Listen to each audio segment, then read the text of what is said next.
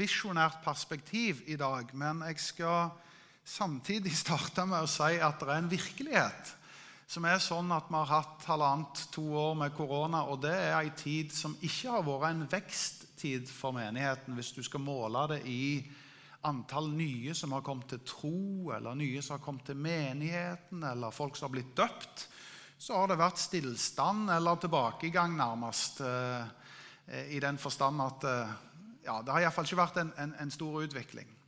Og Det er å stikke fingeren i jorda og si noe om virkeligheten. Samtidig så tror vi på å løfte blikket og si noe om at Gud vil vekst. Og i alle år så har denne menigheten hatt et visjonært driv og til og med visjonsformuleringer som vi kan kalle for vekstvisjon. Vi har hatt en vekstvisjon i over 30 år. og så har Ordformuleringene de har endra seg litt. Et par ganger så har vi justert litt på teksten. Men, men, men, grunnleggende så kan vi si at vår visjon det har vært å løfte blikket og tro Gud for en framtid av vekst og utvikling. Og Det vi kaster opp som høstens store tema, faktisk det neste året, hele det kalde skoleåret vi går inn i, det er dette temaet her vekst. Vi tror på vekst.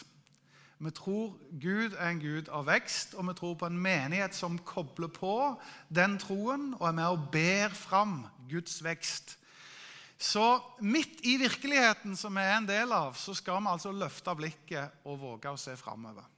Når det gjelder visjon, så er en av de setningene denne menigheten har hatt som visjonssetning, det er at vi ser en stadig voksende menighet som gjør Jesus synlig gjennom evangelisering og disippelskap. Og Jeg starter med å utheve en stadig voksende menighet. og Hvis vi skal være sanne om det som har vært det siste året, halvannet, så har vi ikke vært stadig voksende. Men vi tror vi skal være en stadig voksende menighet. Og Det er den sida av kall visjonen som vi tror Gud særlig står for. Hvis vi lener oss på 1. Korinterne 3,6, så står det Apollos vannet Nei, Paulus plantet, Apollos vannet, men Gud ga vekst. Gud er en Gud som gir vekst, og Gud er en virksomme Gud, så Gud sørger for vekst. Men Paulus og Apollos var ikke uvirksomme. Og vi som menighet skal være virksom. Vi tror på en virksom Gud, og så tror vi på en virksom menighet. Det vil si at det er et samspill her. Paulus planta, Apollos vanna, Gud ga vekst. Og vi tror at det som er vår rolle i dette, det må vi sørge for å oppdage. Eh, fordi at vekst er noe som er dønn naturlig. Bare spør Jan, som sitter langt bak i dørene. Hvordan så det ut i Beto her, Jan, etter du hadde vært en måned i Danmark? Det var rimelig heftig. Jeg har sett han herren i full eh, Ja, han var både svett og, og gjennomvåt på alle vis. Jeg måtte gi han ei korg med jordbær for å trøste han litt. Han hadde lukt her i ei uke. Det var vekst, altså. Det var enormt frodig. Og sekk på sekk er tatt av eh, fruktene av vekst i eh, omgivelsene, herrene. Eh, vi kom hjem etter vår ferie, og Ketlin spontant kjører inn i gårdsrommet og sier det er noen som har sagt ned gjerdet vårt. Hun mente det oppriktig. Hun trodde noen hadde sagt over gjerdet vårt. Men så viser det seg at det var bare trærne som hadde vokst så mye. Sånn at eh, og Da var det med en gang ut og klippe trærne. Så i naturen så ser vi veksten som en helt naturlig og, og, og alle oss som har hatt unger, vi ser jo det at det er den naturligste ting. Unger vokser.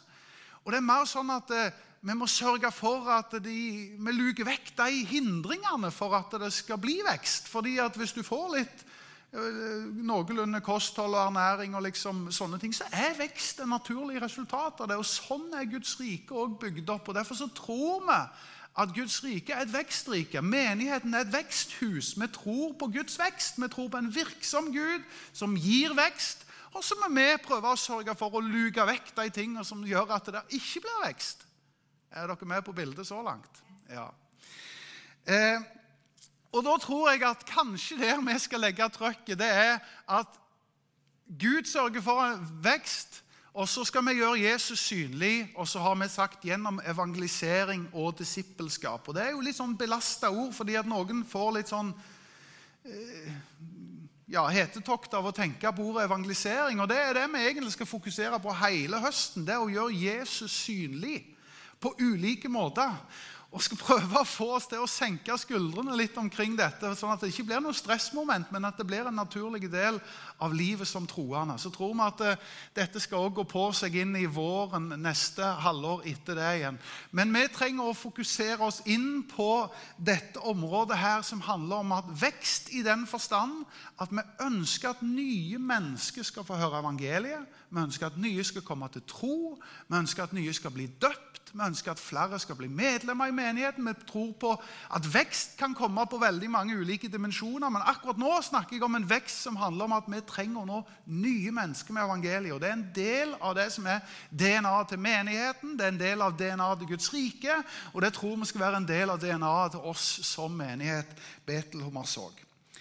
Så da handler i dag, siden jeg har lovt at vi skulle starte litt forsiktig fordi vi har jo sagt at 1. Eh, august, vel, vi har nettopp kommet i gang. Vi starter litt forsiktig. og Derfor så tenker jeg jeg skal ikke snakke så veldig mye om alle mm, budskapene som kommer ut om, om vekst og evangelisering, men jeg skal snakke om vekstforberedelser. Og Hvordan forbereder du for vekst? Vel, I Guds rike så tror jeg det er en veldig viktig nøkkel, og vi skal dokumentere det ut Bibelen. Det er at bønn er med å sørge for. Det er en slags vekstforberedelse. Det er å være en bedende menighet, å være et bedende folk. Og Derfor skal vi snakke om bønn i dag. Og Jeg skal trekke fram Paulus, som ofte ber noen bønner. Han ber I Nye Testamentet så ber han ca. 40 bønner. Eh, som er skrevne. Og en håndfull av de er litt spesielt formulert. De er formulert sånn at det står type en bønn, og så står det 'slik at' eller 'sånn at'. Og så står det noe på andre sida. Altså Han ber en bønn, og så står det 'slik at' eller 'sånn at', og så kommer det noe på andre sida. Typisk eksempel Efeserne kapittel 3. Så ber Paulus om at vi skal ha en stødig tro. Og Derfor så sier han da er det helt nødvendig at jeg ber om kraft og styrke. For det er forberedelse for at du skal få lov å være stødig i troen. Det er at du har kraft og styrke. I Romerbrevet kapittel 15 så ber Paulus om at alt Guds folk skal ære Gud. Og Derfor så sier han det helt essensielt at vi ber om enhet. Er dere med på bildet her? Jeg ber om enhet sånn at, slik at dere kan ære Gud sammen. Jeg ber om kraft og styrke, sånn at, slik at dere kan være stødige i troen. Sant? Det vil si at det er noe som er en forutsetning for at noe annet kan skje. Og Nå har jeg lyst til å liksom snakke om dette med å dele troen og vinne nye. og sånne ting. Og Da ber Paulus en bønn som er litt sånn i samme sporet. Jeg ber om dette, og det er helt nødvendig for at dette skal skje. Og Da skal vi gå til Filemon, altså Paulus' brev til Filemon. Og Jeg har spurt Dina, uten at hun har lest gjennom på forhånd, om hun kan lese oss gjennom teksten. Fordi at, du vet, Det er jo sommer. Hvor mange har lest bok i sommer? Minst ei bok. Det er en del som ikke har lest ei bok. og Da tenkte jeg, bare for at du òg skal kunne skryte når du kommer tilbake på jobben, skal du si jeg har lest ei bok i sommer. Så skal vi lese gjennom hele boka til Filemon. For det er bare et lite kapittel. Det er jo genialt. Hvis du har lyst til å lese mange bøker, så leser du de korte brevene i Nye Testamentet. Kjempesmart. Så nå skal vi lese i Paulus brev til Filemon fra vers 1. Dina, vær så god. Paulus, Jesu Kristi fange, og vår bror Timoteus hilser vår kjære venn og medarbeider Filemon, vår søster Apia, vår stridskamerat Arkipos og menigheten som samles i ditt hus. Nåde være med dere og fred fra Gud vår Far og Herren Jesus Kristus. Jeg takker alltid min Gud når jeg husker på deg i mine bønner, for jeg hører om kjærligheten du har til alle de hellige, og om din tro på Herren Jesus. Jeg ber om at den tro du har felles med oss, må være virksom og gi deg større innsikt i alt det gode vi har i Kristus. Din kjærlighet har vært til stor glede og oppmuntring for meg. For takket være deg, bror, er de hellige ved godt mot. I Kristus kunne jeg nå med full rett pålegge deg å gjøre din plikt, men for kjærlighetens skyld vil jeg heller rette en bønn til deg. Her er jeg, den aldrende Paulus, nå også som Jesu, Kristi Jesu fange, og jeg ber deg for Onesimus, barnet som jeg har fått her mens jeg sitter i lenker. En gang var han unyttig for deg, men nå er han nyttig både for meg og deg. Når jeg nå sender ham tilbake til deg, er det som om jeg sender mitt eget hjerte. Jeg ville gjerne ha beholdt ham hos meg, så han kunne ha hjulpet meg i ditt sted når jeg nå bærer lenker for evangeliets skyld. Men uten ditt samtykke ville jeg ikke gjøre noe. For det gode du gjør, skal ikke skje av tvang, men frivillig. Kanskje blir han tatt fra deg en stund for at du skulle, skal få beholde ham for evig ikke lenger som slave, men som noe mye mer, som en elsket bror. Det er han sannelig for meg. Hvor mye mer må han ikke da være det for deg, både som menneske og i Herren? Hvis du mener at du har fellesskap med meg, så ta imot ham som meg selv. Hvis han har gjort deg urett eller skylder deg noe, så sett det på min regning. Dette skriver jeg, Paulus, egenhendig. Jeg skal betale. Jeg vil ikke snakke om det du skylder meg, deg selv. Ja, bror, la meg nå ha nytte av deg i Herren. Gjør mitt hjerte rolig i Kristus. Jeg skriver til deg fordi jeg stoler på at du vil avlyde meg. Ja, jeg vet at du vil gjøre enda mer enn det jeg ber om. Og en ting til. Gjør et gjesterom klart for meg, for jeg håper at jeg skal bli gitt til dere som svar på bønnene deres. Epafras, min medfange for Kristi Jesus skyld, hilser deg. Det samme gjør Markus, Aristarkos, Demas og Lukas, mine medarbeidere. Herren Jesu Kristi nåde være med deres ånd. Tusen takk, Dina, og gratulerer til dere som har lest ei bok i sommer. Eh, det er sånn at uh, Noe av det som jeg stopper med her, det er spesielt det som er kobla til vers 6. Og Der står det sånn i den engelsk, nei, norske versjonen som nå Dina leste. Jeg ber om at den tro du har felles med oss, må være virksom og gi deg større innsikt i alt det gode du har i Kristus. På den engelske bibelen så står det 'sånn at slik at', som jeg refererte til. Altså, her ber Paulus om at Filemon skal ha en effektiv og kraftfullt kunne dele troen, sånn at vi får en dypere forståelse for alt det gode vi har i Kristus. Det som jeg henger meg opp i i denne bønnen, det er altså at Paulus ber om at vi skal være virksomme med troen. Og For han handler det om å dele troen. En annen ting jeg henger meg opp i når jeg leser dette, det er at dette er et personlig brev. Så det er ikke bare sånn generelt til alle og hele menigheten og hele flokken, men det går til en person, og det er en utfordring personlig. Og det vil jeg spørre oss om. Og vi kan få lov å ta dette personlig når vi leser dette. Og ta dette som en personlig utfordring i at Åh, Gud, om min tro òg kunne bli virksomme, sånn at jeg delte den i større grad. Det som er saken her, det er jo at det, eh, dette er et brev som går til Filemon.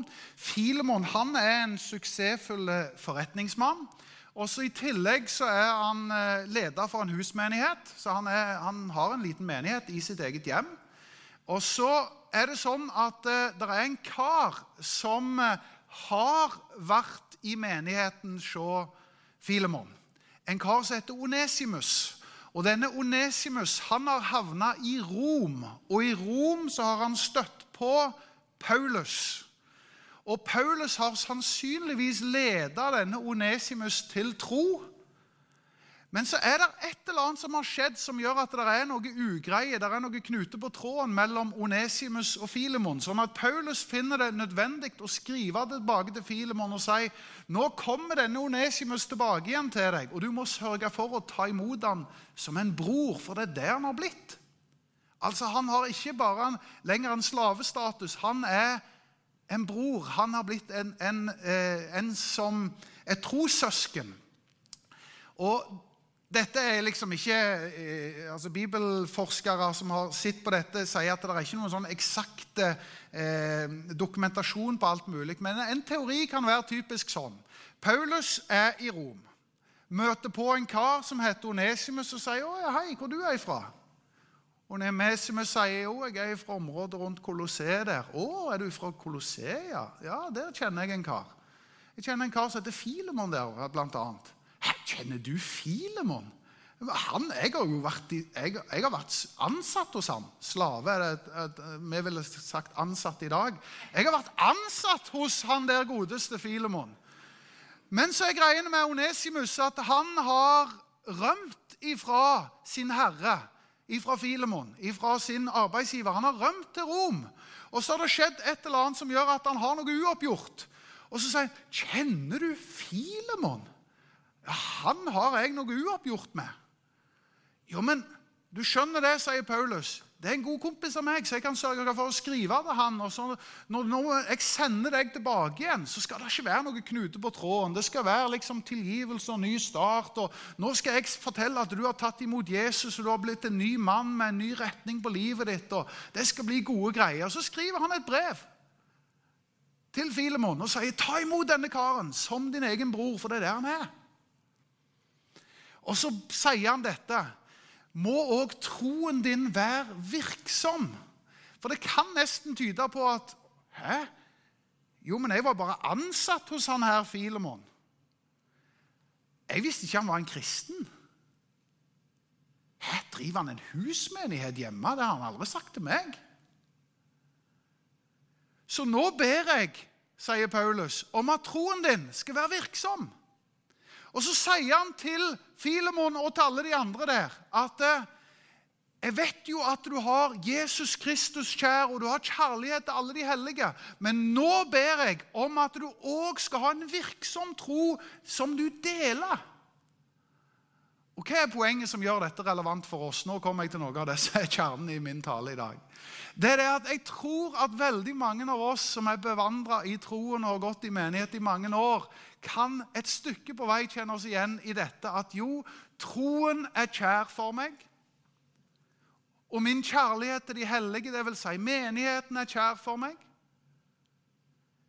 Men det er som om vi av og til glemmer litt den der dimensjonen som handler om at vi skal dele troen.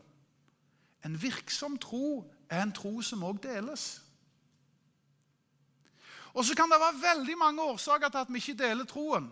Jeg vil nevne tre av de som kanskje er de vanligste årsakene til at vi ikke deler troen. Og Da kjenner jeg igjen meg sjøl i det, og så får du se om du kjenner deg igjen.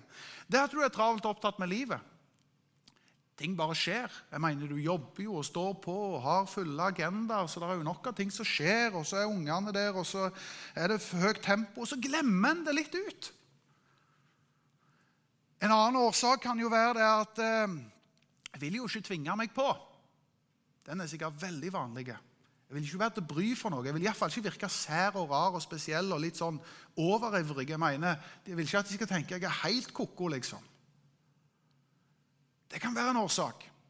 En tredje årsak kan være at jeg føler ikke jeg vet nok. Hvis jeg bare visste mer, så skulle jeg delt mer. Tenk om alle de vanskelige spørsmålene kommer. Hva skal jeg svare?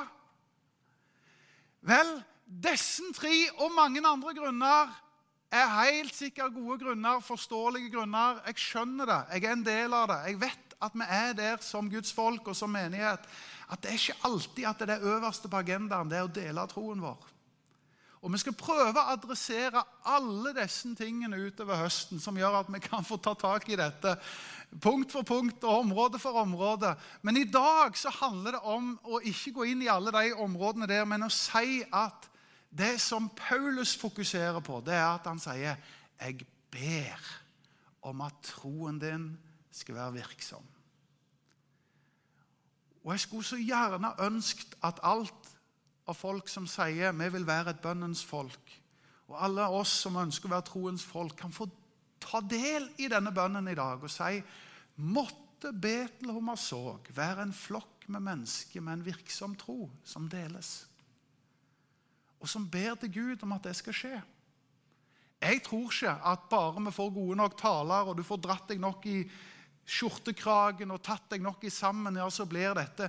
Jeg tror òg vi må be om at Gud skal virke fram et eller annet overnaturlig i oss. Som både gir oss trangen, som gjør at vi ser mulighetene, som gjør at vi kjenner at vi får en nød for å dele. Det blir naturlig for oss å bære med oss vitnesbyrdet vårt. Det personlige vitnesbyrdet ut i hverdagen. Og Derfor så oppfordrer jeg menigheten i dag om å være med på det jeg kaller vekstforberedelse. Det er at vi er med i det som er Paulus sin bønn om en virksom tro som deles. Er dere med på budskapet? Skjønner dere hvor jeg vil? Ja, Fint. Det er en enorm kraft i det å nå den ene. Jeg syns at det er interessant at her er det ikke bare folkeskarer og mengder, og, og, og sånt, men her har troen som deles, fått et navn, og navnet er Onesimus. Altså, Paulus har delt troen med Onesimus. Mange ganger når vi leser i Bibelen, f.eks. apostelgjerningene, så står det om tusentalls og Peter som forkynner. og Mange av oss kjenner ja, men det har ikke, ikke kjangs. Ikke nubbekjangs til å stå der og rope ut og dele for alle. Aldri i verden. Men her har altså det å dele troen fått ett navn, og det er Onesimus. Og Tenk om alle kunne delt troen med én person i løpet av høsten. Bare som et eksempel.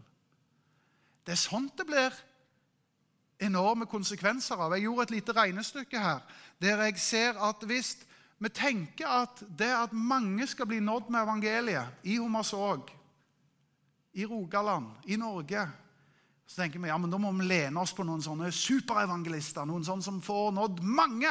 Og La oss nå tenke at det fins en sånn supermann eller superkvinne som klarer å dele troen med Én hver dag som tar imot Jesus. Fantastisk. Jeg mener 365 på et helt år. Det er jo enormt. Jeg mener, Hvilken enorm rolle ville ikke den personen hatt? Da skal jeg fortelle deg det at denne personen ville i løpet av 15 år nådd 5475 mennesker med troen. Nå er jeg bare inne på et teoretisk regnestykke. Og så tar vi et annet regnestykke som handler om at der én blir nådd så er det ikke sånn at det er den ene som ble nådd, det stopper med den, men da er det to som når to nye, og så ble det fire, så nå er det fire som når fire nye. Jeg vet at dette er teori, men jeg bare sier til dere at det som vil skje i løpet av 15 år, det er ikke 5400, men det er 32 765. Poenget er jo dette at når mange deler troen, så er det mange som kan bli nådd. Når mange er frimodige med vitnesbyrdet sitt, så er det mange som kan bli nådd. Og Det er en utfordring som jeg ønsker å ta til meg sjøl. Og jeg håper at menigheten har lyst til å være med å ta en sånn type utfordring. Rett og slett, altså Vi kjenner det jo igjen i epidemien. altså Det er noen som heter sånne super, eh, hva det heter, sånne supersmittere. Superspredere. Delt, ja, nei, delt, du, du kaller de bare delta, du. ja. Ja, Men det er sånne, sånne supersmittere som det er noen som de har skrevet om. som liksom, De var på en fest, og de smitta 100 stykk, liksom. Og det kan vi jo tenke at eh, fint at det fins noen sånne. Men det som gjør at det blir pandemi, det er jo at mange er smittsomme. Med negativt fortegn, da. Altså Hvis det var bare én, så hadde vi jo klart å isolere den ene. Men hvis alle driver og bærer rundt på et, et smitte, så blir det jo noe voldsomme greier. Og nå er jo den smitte noe negativt, men hvis vi overfører det til en positiv tanke, så er det jo at mange som bærer en virksomme tro, da er det mange som vil bli nådd med evangeliet. Og jeg vet at dette er både å stikke fingeren i jorda, og det er absolutt å løfte blikket og si at oi, det er en ny virkelighet vi annonserer her og tror på. Men vi skal be Gud om at vi får lov å ha den type virksom tro. Og Det er det jeg inviterer menigheten til i dag. Det å være med å be om denne virksomme troen. Når Paulus ber en bønn i 1. Timoteus, en veldig kjent bønn, så er det faktisk ikke en bønn. Han bare oppfordrer til bønn. Og Den bønnen den handler om at han ber om at, eh, menighet, at eh, det må bli bedt for alle mennesker, alle slags mennesker, alle slags situasjoner og posisjoner. Og så sier han Han som vil at alle skal bli frelst og komme til sannhetserkjennelse, står der. Dette er Guds hjerteslag. Det er at alle skal bli nådd med evangeliet. Og det må vi innrømme at tider av mindre fellesskap, tider av det vi har vært igjennom nå, har ikke ført til en vekst i menigheten her. Men vi tror på vekst. Og vi tror på en virksom Gud. Og Der mennesket er virksomme, der tror jeg Gud er ekstra virksomme. For Paulus planta, Apollos vanna, men Gud ga vekst. Og det er klart at når ikke bare Paulus, men når Dina og Ronny og Irene og Tonje og Vidar og Briti planter, og Inger Marie og Signe Toril og Aslaug og Knut og Olga vanner, så vil Gud gi vekst. Det tror jeg på. Det er Guds ord. Så la oss iallfall ta del i den bønnen. Og Det tenkte jeg at vi skulle avslutte gudstjenesten med. At jeg skal lede i en bønn. Og så vil jeg oppfordre flere til å bruke bønnemikrofonen her. Ta de stegene fram og være med å be en enkel bønn om at vi kan få lov å nå nye mennesker med evangeliet. Og at vi kan få lov å se en tid av vekst i Guds menighet. I Hummersåk, i Rogaland i Norge, nasjonalt og globalt. Gud gi vekst. Amen. Herre, bare forbered dere, dere som har tenkt å Jeg har ikke spurt noen, så det er bare å grabbe mikrofonen. her. Anne. Herre, jeg takker deg for en ny sesong, en ny høst. Og så tror jeg at alle skal med. Selv om det er Arbeiderparti-slagord, så er det noe fantastisk med å se dette bildet av alle slags mennesker i alle slags posisjoner og situasjoner som trenger å høre evangeliet. Og jeg tror ikke alltid det skal være så avansert. Det er en personlig vitnesbyrd om at 'dette betyr du for meg'. Det er å ikke skjule seg bak i, i troen sin, men å, å, å stå åpent fram med den. Herre, jeg ber om at det skal bli en realitet for meg og for oss som din menighet. Herre, jeg ber om at du skal få lov å vise deg som en virksom Gud gjennom denne høsten. Og så ber jeg med en virksom menighet som deler troen. Jeg ønsker å føye meg inn på det som er Paulus sin bønn her. Jeg ber om at troen skal være virksom. Jeg ber om at troen skal bli delt. Jeg ber om at mange skal få lov å bli gitt sånne gudgitte anledninger til å dele troen i Jesu navn. Herre, hjelp oss å forberede veksten i bønn. Herre, jeg ber om lange, gode bønnelister. Jeg ber om mennesker, enkeltmennesker à la Onesimus. Nå heter de noe annet i dag, men jeg ber om at de skal få et navn i våre bønnelister, Herre og at vi skal få lov å ha et stort bønnesogn her i denne menigheten. I Jesu navn.